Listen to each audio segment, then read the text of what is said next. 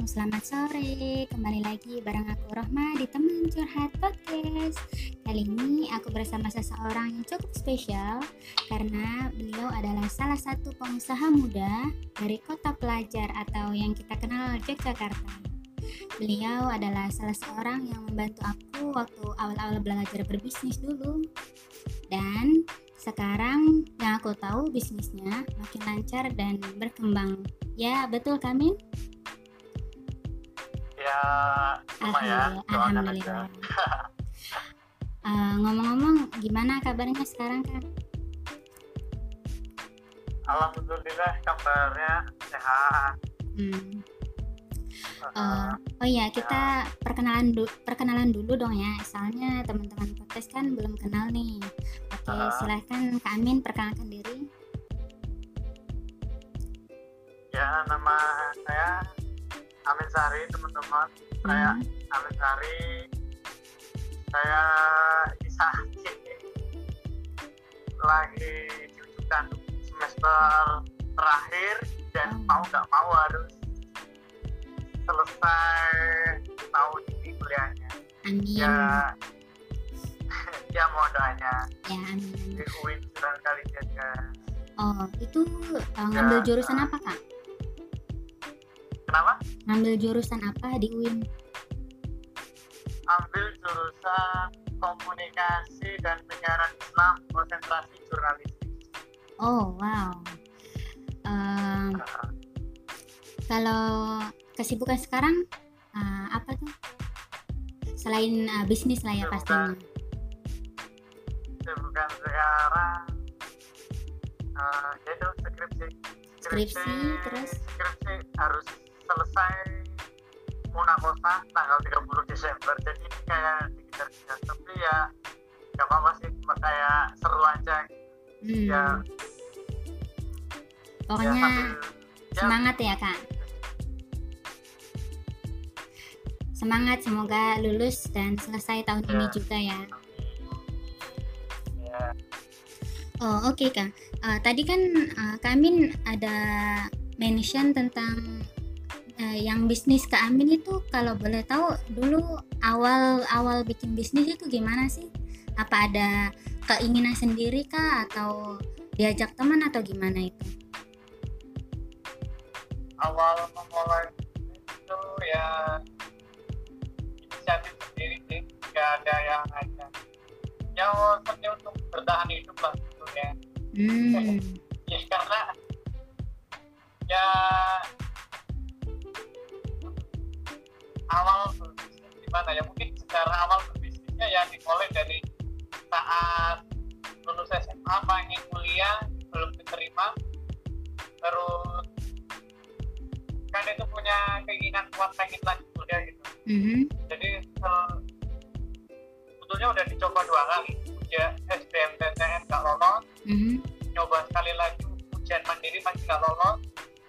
Terus tapi eh, mencoba membesarkan nanti ah saya coba ikut SBMPTN tahun depan Hmm. sementara belum bisa kuliah saya pengen mandiri dulu saya pengen bekerja pengen bekerja apa pun itu yang penting saya nggak mau minta uang lagi dari orang tua kayak gitu. Oh, I see. dan Jadi, waktu itu aha. dan Ya. waktu itu aku eh, ini dan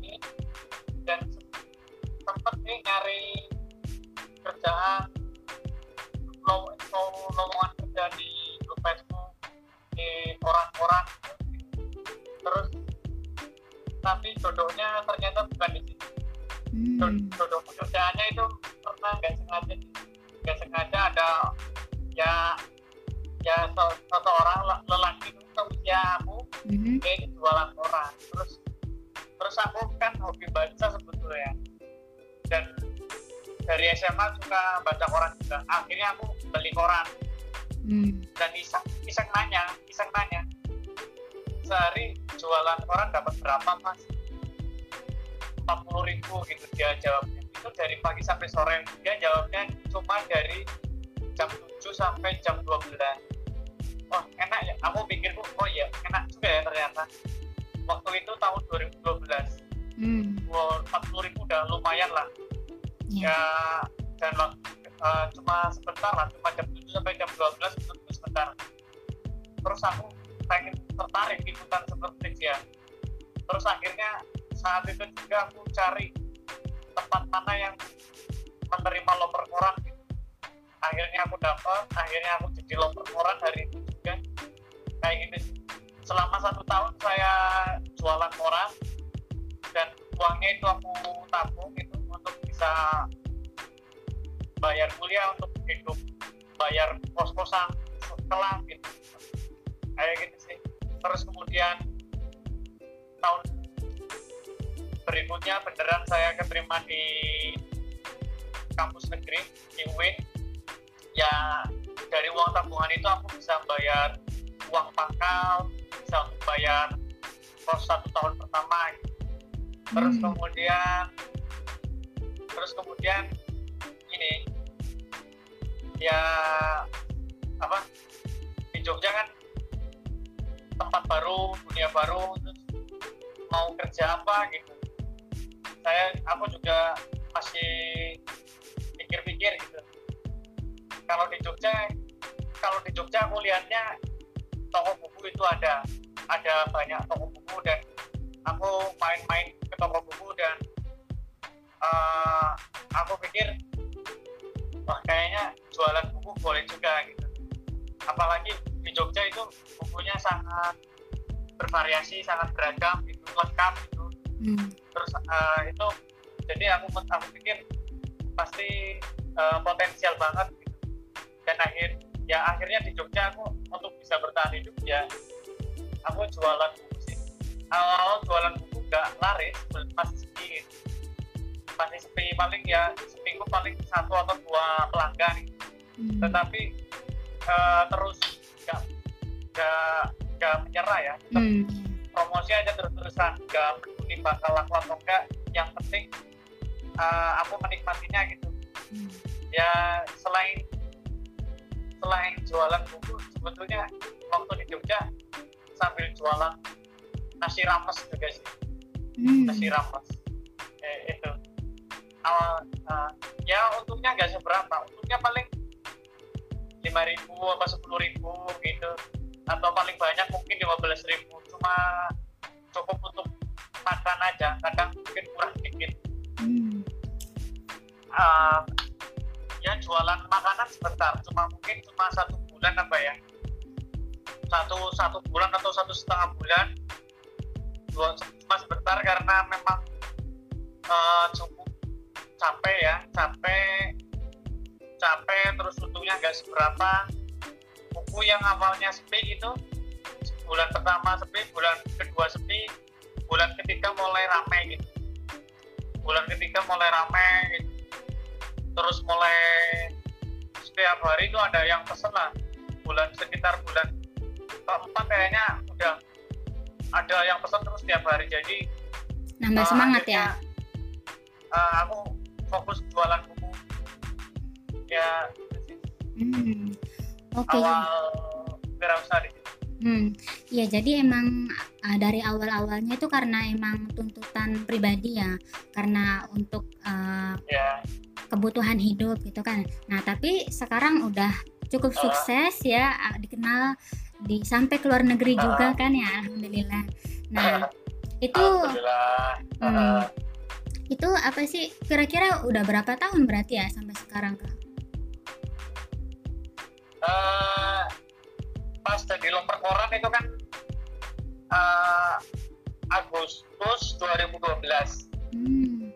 nah pas jadi loper koran itu Agustus 2012 terus bulan September 2012 itu di Cilacap saya ketemu agen koran yang punya toko buku Oh. dan waktu itu aku mulai jualan buku di Cilacap sebetulnya walaupun di Cilacap itu bukunya nggak lengkap gitu risikonya kecil tapi aku awalnya ya ya karena senang baca sih sebetulnya senang Hmm. baca terus juga aku aku lihat-lihat uh, toko buku di tempat agenku juga kelihatannya cukup menarik bukunya walaupun sedikit di sisi- ada kemudian aku melihat kok kelihatannya sepi aku pengen inisiatif membantu gitu loh Hmm. membantu mempromosikan biar eh, buku-buku yang ada di situ itu nggak sia-sia gitu ada Hmm. yang keluar ada yang laku gitu Hmm. dan niat niat awalnya itu nggak cari untung sih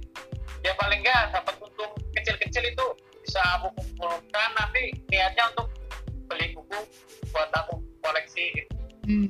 Nah, itu jadi jualan jualan pengalaman jualan buku ya mulai September 2012 sampai sekarang Desember 2020 Oh, berarti sekitar 8 tahunan ya. ya Hmm. Nah, itu berarti eh, kalau boleh tahu apa sih suka dukanya dari dari awal sampai sekarang itu Kamin eh, bikin usaha, nah, maksudnya ngejalanin usaha buku itu. Suka dukanya ya paling paling per- perjuangan paling berat itu mungkin ya di tahun-tahun awal ya tahun-tahun awal ketika nama kita belum dikenal Hmm. kita nggak punya modal gitu kan nggak Hmm. punya modal nama kita nggak dikenal kepercayaan pelanggan belum tinggi gitu jadi untuk untuk mempromosikan berkali-kali kadang kita juga sering berkali-kali pula itu diabaikan orang gitu Hmm. Eh, itu beratnya ya itu di awal-awal tetapi ya cukup, cukup lama sih mengalami masa-masa itu tapi ya aku nggak mempermasalahkan sih karena menurutku ya jualan buku ya kayak gini nggak bukan tuntutan bukan apa ya Jadi Ya, enjoy ya, aja. Kak. Enjoy ya ngejalaninnya Ah, juga. iya Hmm. eh, sih tuh.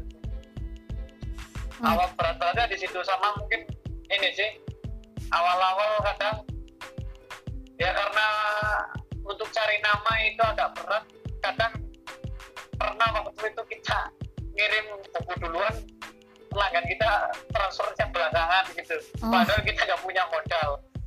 Kayak gitu tapi ya alhamdulillahnya eh, pelanggan kita ya mau transfer walaupun kadang-kadang oh maaf lupa besok Hmm. saya transfer gitu ada yang itu Nah, itu dulu sih kalau sekarang ya kita pelanggan tak transfer dulu gitu Hmm. Jadi Kayak itu sih. oh jadi itu termasuk cara apa sih biar pelanggan percaya ke ke, ke Kamin dulu gitu ya.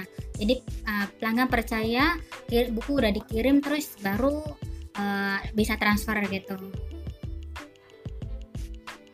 Eh, ya itu alternatif sih sebetulnya. Hmm, Kalau iya. bisa sih pelanggan transfer dulu karena kita nggak punya modal. Tapi beberapa kali kita mengalami itu karena karena ya kita mencari latar belakangnya dia sih. Hmm. Kalau dia orangnya kira-kira bisa dipercaya kita nggak apa-apa kita kirim dulu. Oh. Itu sih. Ya eh, itu kebetulan waktu itu orang yang beli buku ya atas direkomendasikan temen sih. Jadi aku aku percaya ke temenku. Jadi bukan eh, betul-betul orang asing yang sama sekali sebelumnya nggak kenal dan nggak dapat rekomendasi. Hmm. Itu ya ya untuk untuk cari nama juga sih awal-awal kayak gitu nggak apa-apa gitu. Hmm. Sama memang dulu kan ibaratnya jualan buku nggak belum laris jadi waktunya slow gitu buat kirim bukuan gitu Hmm. kalau waktu wak- kalau udah mulai lumayan laris ya paling ya kita otomatis utamakan yang uh, udah transfer dulu kan gitu, Hmm, maksudnya iya. kita tanggung jawab gitu loh Hmm. ya kita tanggung jawab kepada orang yang udah bayar ya kita prioritaskan itu dulu Hmm. kalau memang tanggung jawab kita kepada orang-orang yang udah transfer dulu terselesaikan dan kita masih punya waktu luang untuk ngurusi hal yang semacam itu ya kalau ya kalau memang bisa ya insya Allah kita bantu juga gitu sih Hmm. Uh, terus waktu dulu awal-awal merintis itu langsung online apa offline dulu?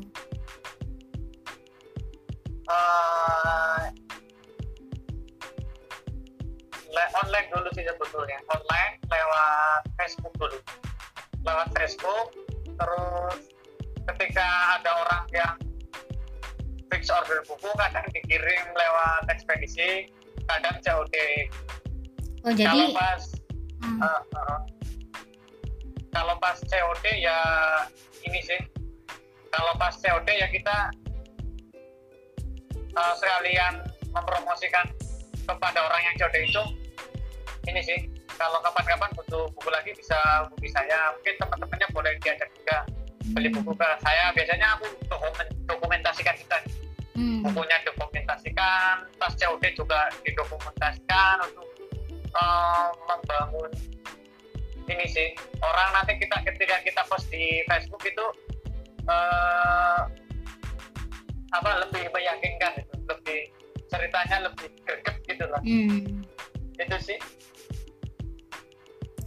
Ya terus sekarang online oh ya. online, online dulu ya nggak nggak langsung nggak offline dulu ya Nah, itu yang sekarang kan kami udah punya karyawan, kan udah punya banyak reseller di mana-mana kan.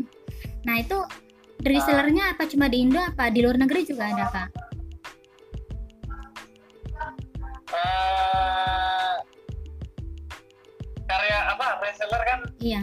sebagai sebagai tipenya macam-macam latar belakangnya macam-macam ada yang dia sekedar ngisi waktu luang ada yang memang itu passionnya dia.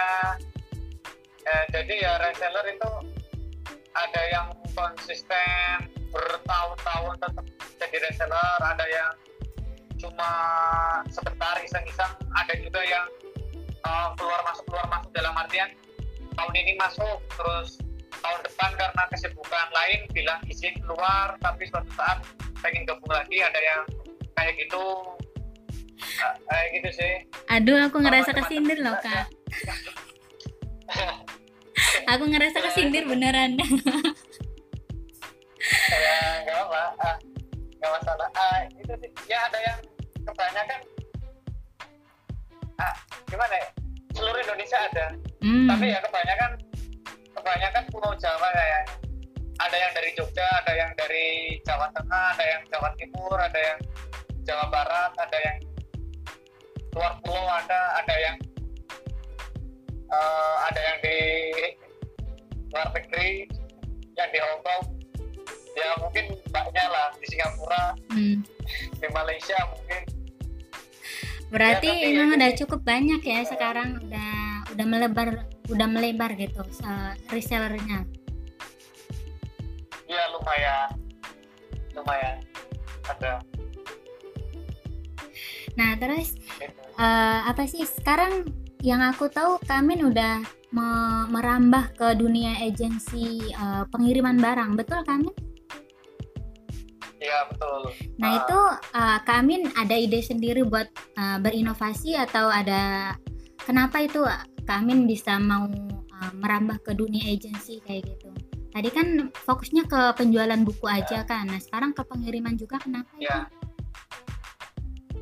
awalnya itu kan dulu aku sempat ya mungkin pikiran pikiran lu buku dulu zaman dulu Hmm. zaman dulu pikiran lu buku zaman dulu aku eh, bertanya-tanya kok bisa ya kita ngirim paket cuma bayar segini eh, kita tinggal tulis alamat tiba-tiba barang kita sampai di kota kota seberang gitu, dengan eh, selamat gitu. dengan Mhm. selamat tanpa kita perlu capek-capek ngantar sendiri ke sana Hmm.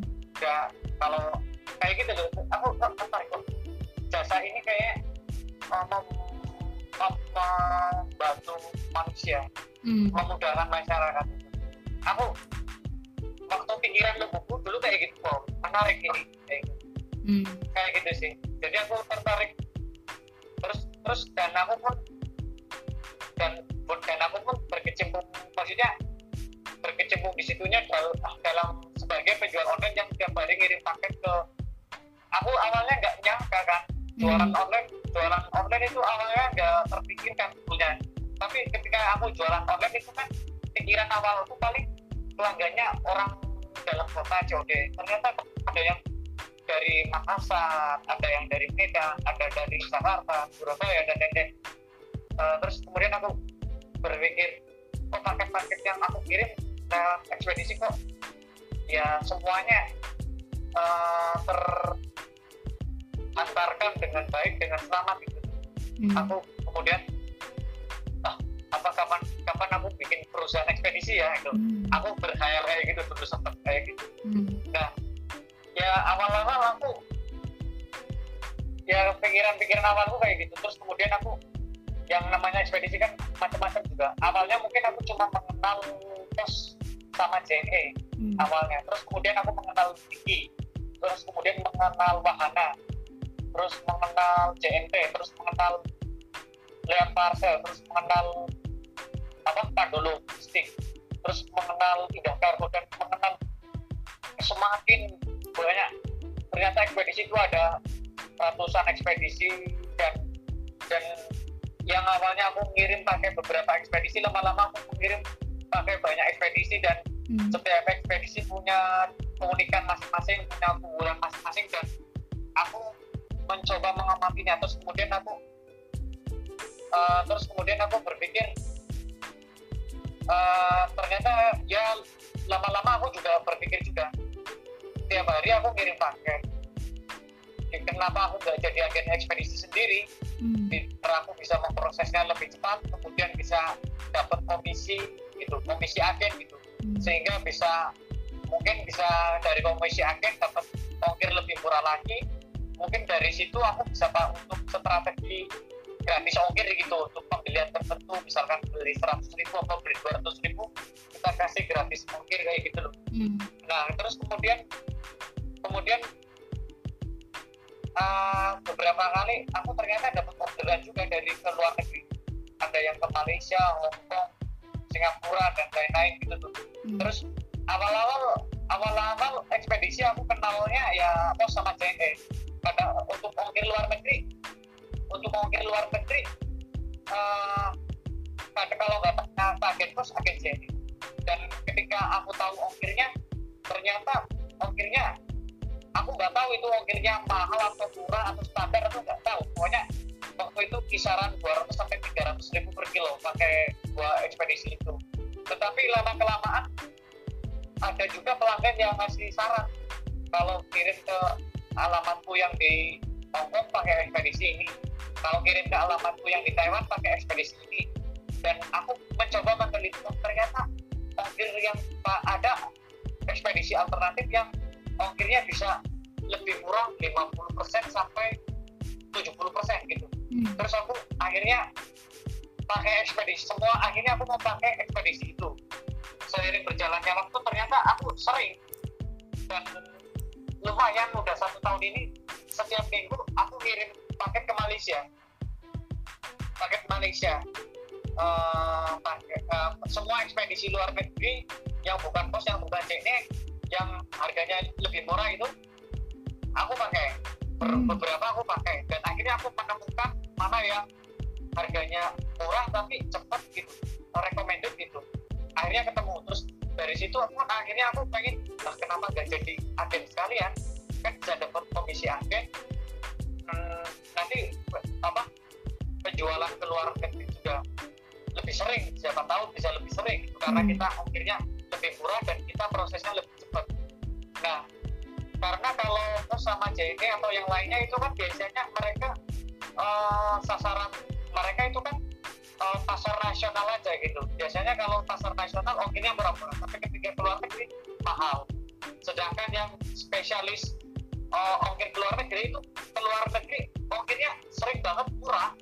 Dan mereka nggak uh, jual jasa ke ini uh, mereka hanya spesialis ekspor aja keluar negeri nggak kirim-kirim paket ke dalam negeri. Dan jadi dari situ aku menyimpulkan setiap ekspedisi punya karakteristik sendiri keunggulan sendiri-sendiri dan uh, ketika aku sudah me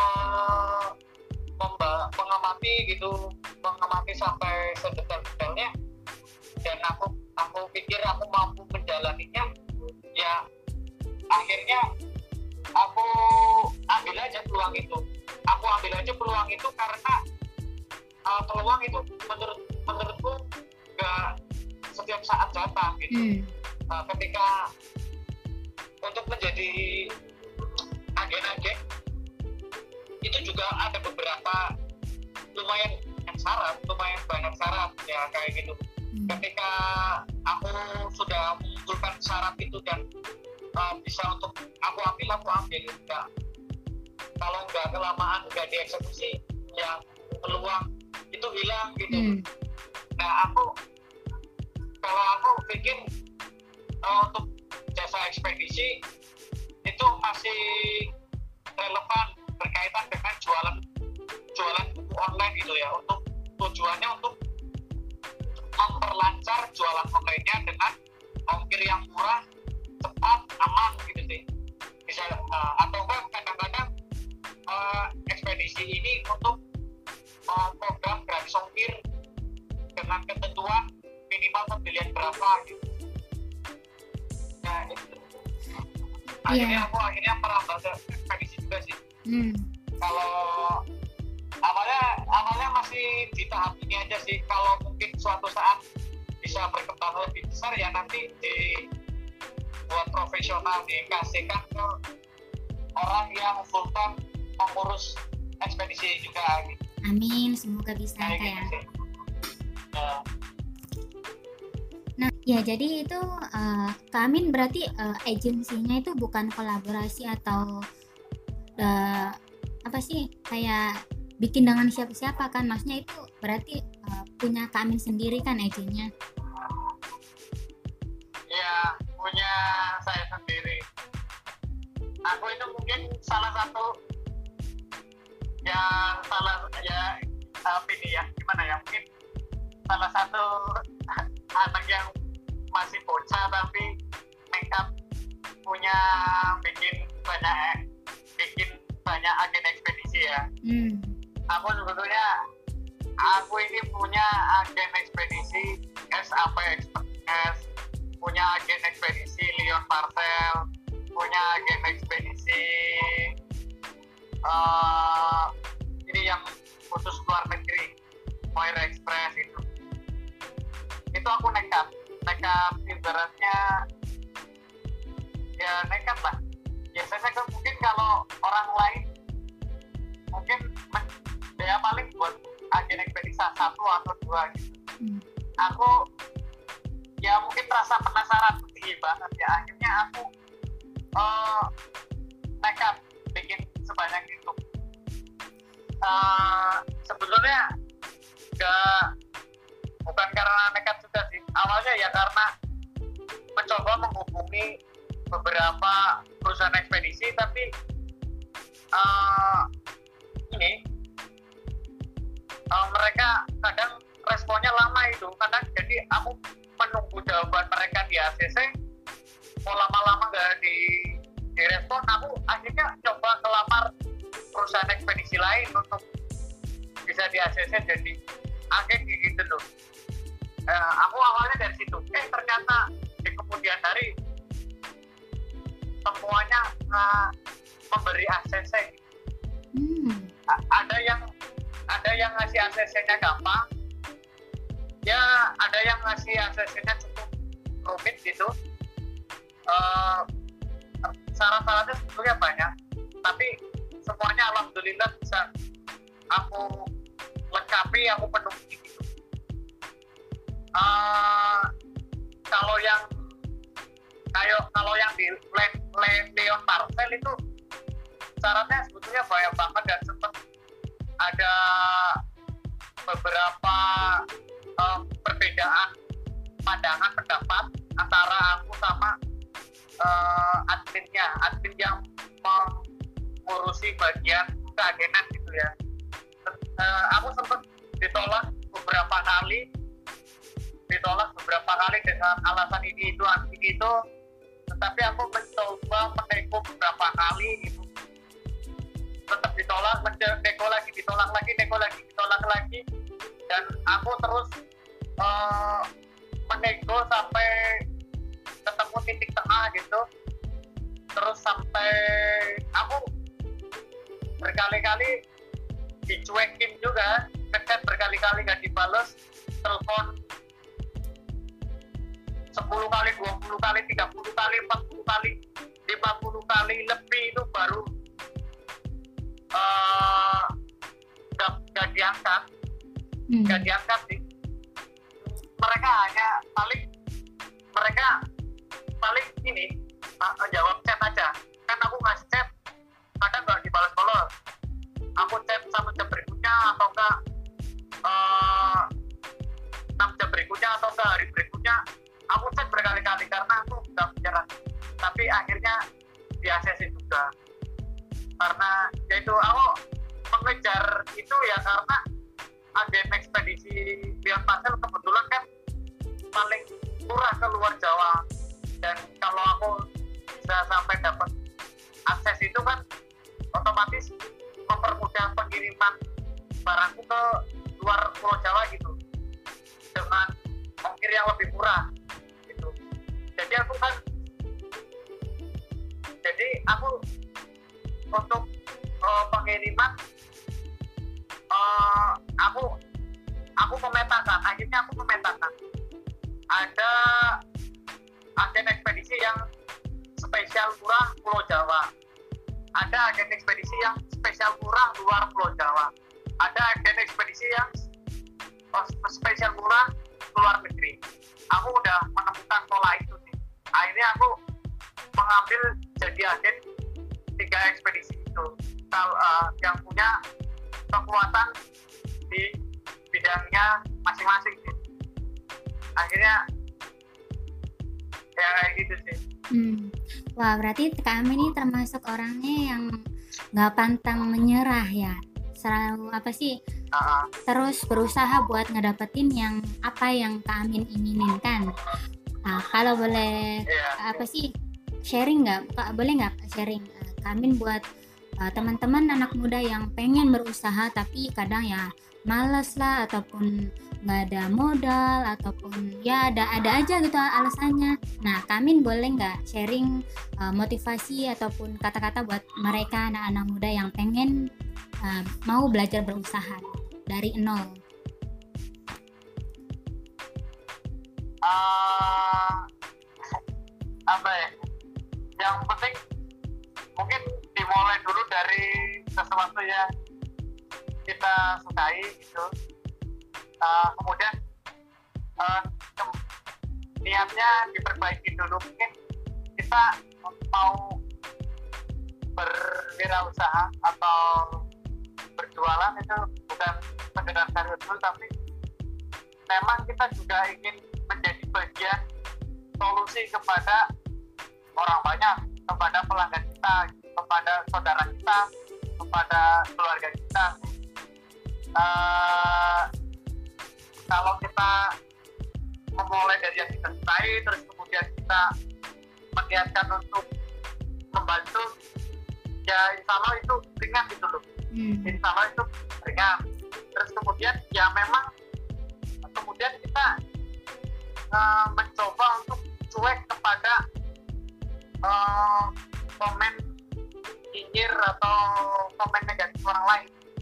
Itu kita jangan pedulikan. Kita mencoba tuli ke hal-hal yang tidak baik itu sih. Apa kita itu sih. Eh, itu sudah bagus. Apa? Ya insya Allah kalau kita mencoba untuk telinga kepada hal-hal yang negatif akan memperlancar langkah kita kemudian Hmm. sama kita memang harus berani sih memang berani harus berani pede sama memang eh, jangan kebanyakan mikir sih Hmm. coba kita ceburin ceburin ceburin diri kita itu nah biar kita eh, dia langsung gerak gitu. kalau kita diem aja kita nggak jalan-jalan Hmm. Yang penting mulai aja dulu ya kayak. Mulai aja dulu. ya Eh, Nah, buat penutupan mungkin ya, Kak Amin uh, boleh dong sharing tentang uh, nama-nama bukan nama-nama sih, apa sih? uh, nama akun ataupun nama agensi Kak Amin. Buat uh, siapa tahu ada teman-teman yang pengen tahu apa sih nama nama agen atau nama tokonya Kak Amin yang Kak Amin punya itu. oh ya ya ya untuk yang Instagram itu yang toko buku itu ada rindu underscore buku. Terus kemudian ada katalog rindu buku. Terus kemudian untuk Shopee itu ada rindu buku Jogja. Untuk Tokopedia juga rindu buku Jogja. Untuk Bukalapak juga rindu buku. Terus kemudian uh, untuk yang jasa pengiriman kita kita promosikan yang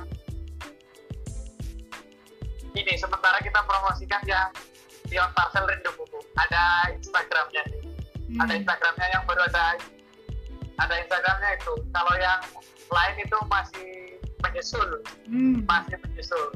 Nanti ditangani kalau ya ditangani teman-teman pulang yang, yang berbagi rezeki atau berbagi tugas hmm. nah gitu nah. oke okay. nah apa sih Uh, kalau boleh tahu aku sebenarnya penasaran ya nama di belakang dari maksudnya asal usul nama rindu buku itu apa sih kak? Kok namanya rindu buku gitu? Oh itu, hmm.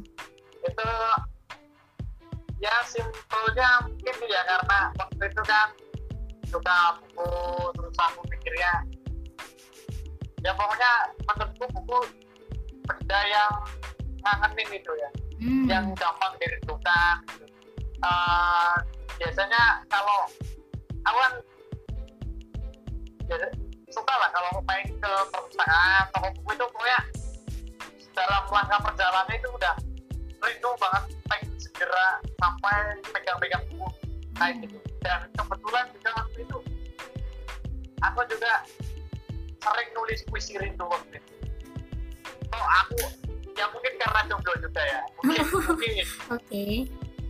karena jomblo ya ya karena jomblo tapi punya seseorang yang kangeni yaitu ya, buku. kita cuma bisa bilang rindu aja. Nggak hmm. bisa bilang cinta saya.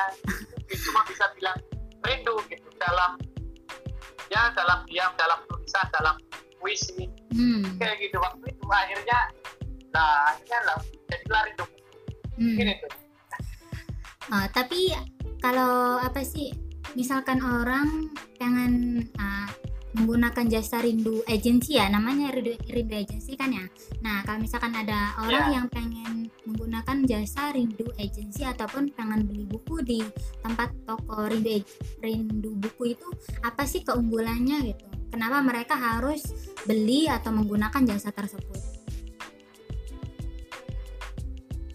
uh, aku kan kadang aku sempat pisang sama temanku gitu sempat uh, mungkin sempat pisang lah apa ya uh, bercanda lah ke teman-temanku kamu kalau ngirim apa pun bilang ke aku aku ini pakarnya ekspedisi gitu hmm. ya mungkin sombong mungkin terkesan sombong bagi yang nggak tahu kalau hmm. temanku kan tahu lah aku sekedar bercanda aja hmm.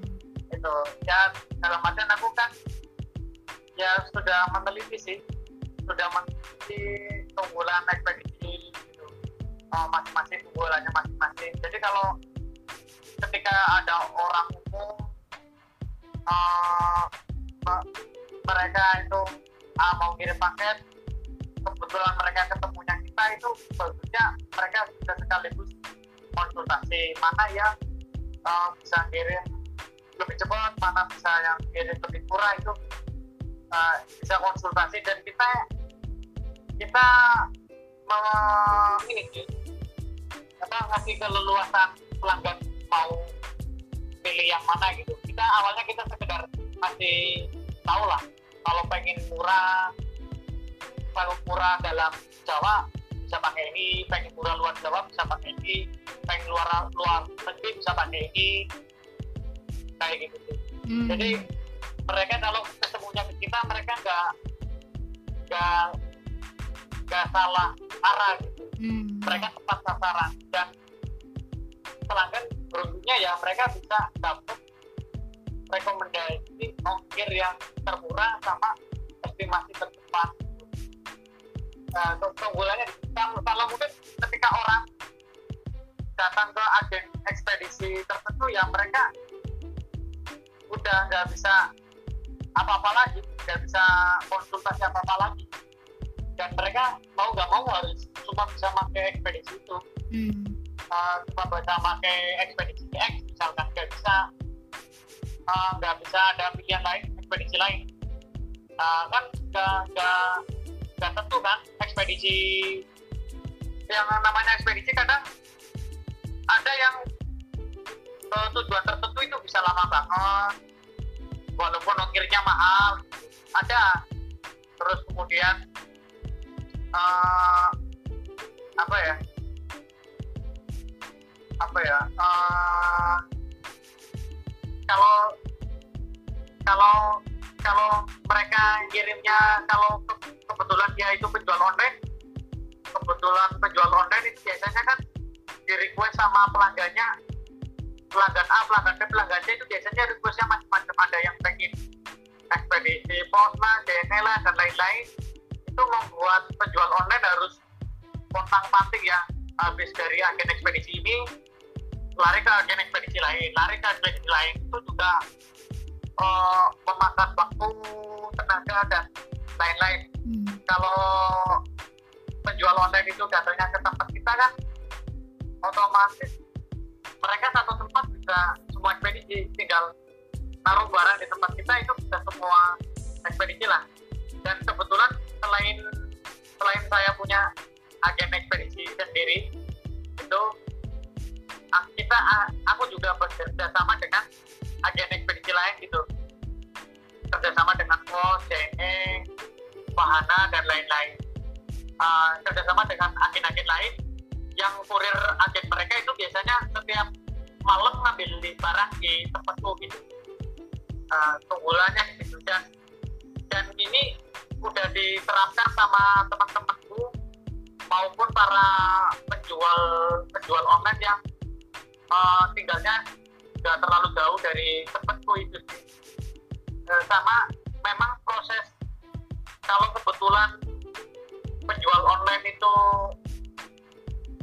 apa ya mempercayakan kiriman di tempat kita itu prosesnya lebih cepat terus kemudian bisa dikasih resi lebih cepat kadang penjual online itu masih di rumah masih di rumah mereka tinggal foto paketnya kasih format order kita buat di tracing dulu uh, mungkin pelanggan itu dikejar-kejar resi sama pelanggan lah atau apalah gitu. mereka minta buat di tracing dulu sama kita kita hmm. Kayak gitu sih banyak banyak banyak sih gitu sih Oke, ini sebenarnya aku ada satu pertanyaan lagi. Ini tak janji deh beneran terakhir. Uh, selama uh. selama kami uh, berusaha, uh, mak maksud aku menjalani usaha ini, ada nggak sih rasa kebosanan gitu, ataupun pengen pindah pindah apa sih pindah usaha, pengen pengen yang lain lah, pengen nyoba yang lain gitu. Pernah nggak sih ngerasain kayak gitu kak? Uh, pernah ya? Kalau dia kejenuhan itu mungkin pernah tapi cuma sebentar habis itu bisa menepisnya gitu. Ya walaupun bagaimanapun buku yang membesarkanku gitu menyelamatkanku dari banyak hal. Hmm. bukan sekedar memberikan materi tapi juga kepuasan batin gitu hiburan gitu inspirasi gitu uh, jadi lumayan ya lumayan susah untuk alasan untuk meninggalkan buku hmm. gitu jadi buku seberat apa pun ya tetap dijalani selama mungkin dan bisa jadi sepanjang masa gitu. kalau mau kalau sempat pindah usaha lain ya sempat sih walaupun nggak aku sampai aku lakukan. Kayak misalkan misalkan uh, toko buku aku serahkan ke siapa lah terserah gitu. mereka yang urus gitu.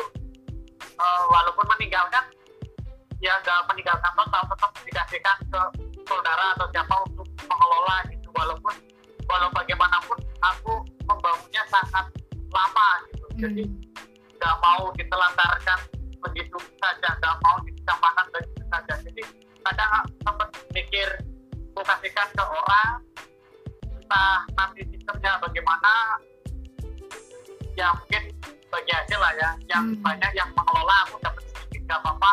Yang penting aku nggak ngurusin yang ribet-ribet aku tinggal menikmati hidup baca buku sama kerjain uh, usaha lain atau kerjaan lain yang lebih simple yang nggak begitu kompleks sempat pernah walaupun ya, walaupun belum aku terapkan Hmm. uh, itu sih Ya, Ya, jadi emang pernah pernah terpikirkan ya. Jadi emang pernah Ekspedisi lain terpikirkan. ekspedisi tapi tetap di jalan secara beriringan nggak nggak salah satunya tetap Oh. di jalan bersama-sama Ya, jadi emang pernah terpikirkan buat uh, pindah tapi uh, tapi nggak jadi ya. Nah, wah beneran sih Kamin menginspirasi aku banget gitu. Nah, mudah-mudahan uh, bisa Ya. menginspirasi bis- bisa menginspirasi teman-teman yang dengerin juga ya. Nah, ya mudah-mudahan doa aku sih Kamin bisa lulus tahun ini dan semoga usahanya Amin. makin lancar, makin membesar Amin. nanti. Wah, makasih banyak Iya. Kamin buat sharing-sharingnya kali ini. Nah, mudah-mudahan next time bisa sharing-sharing lagi ya, bikin podcast di podcast aku. oke siap Oke, makasih banyak kak. Assalamualaikum. ya Waalaikumsalam. Oke, baiklah teman-teman. Menginspirasi sekali cerita awal mula usaha dari Kak Amin tadi kan.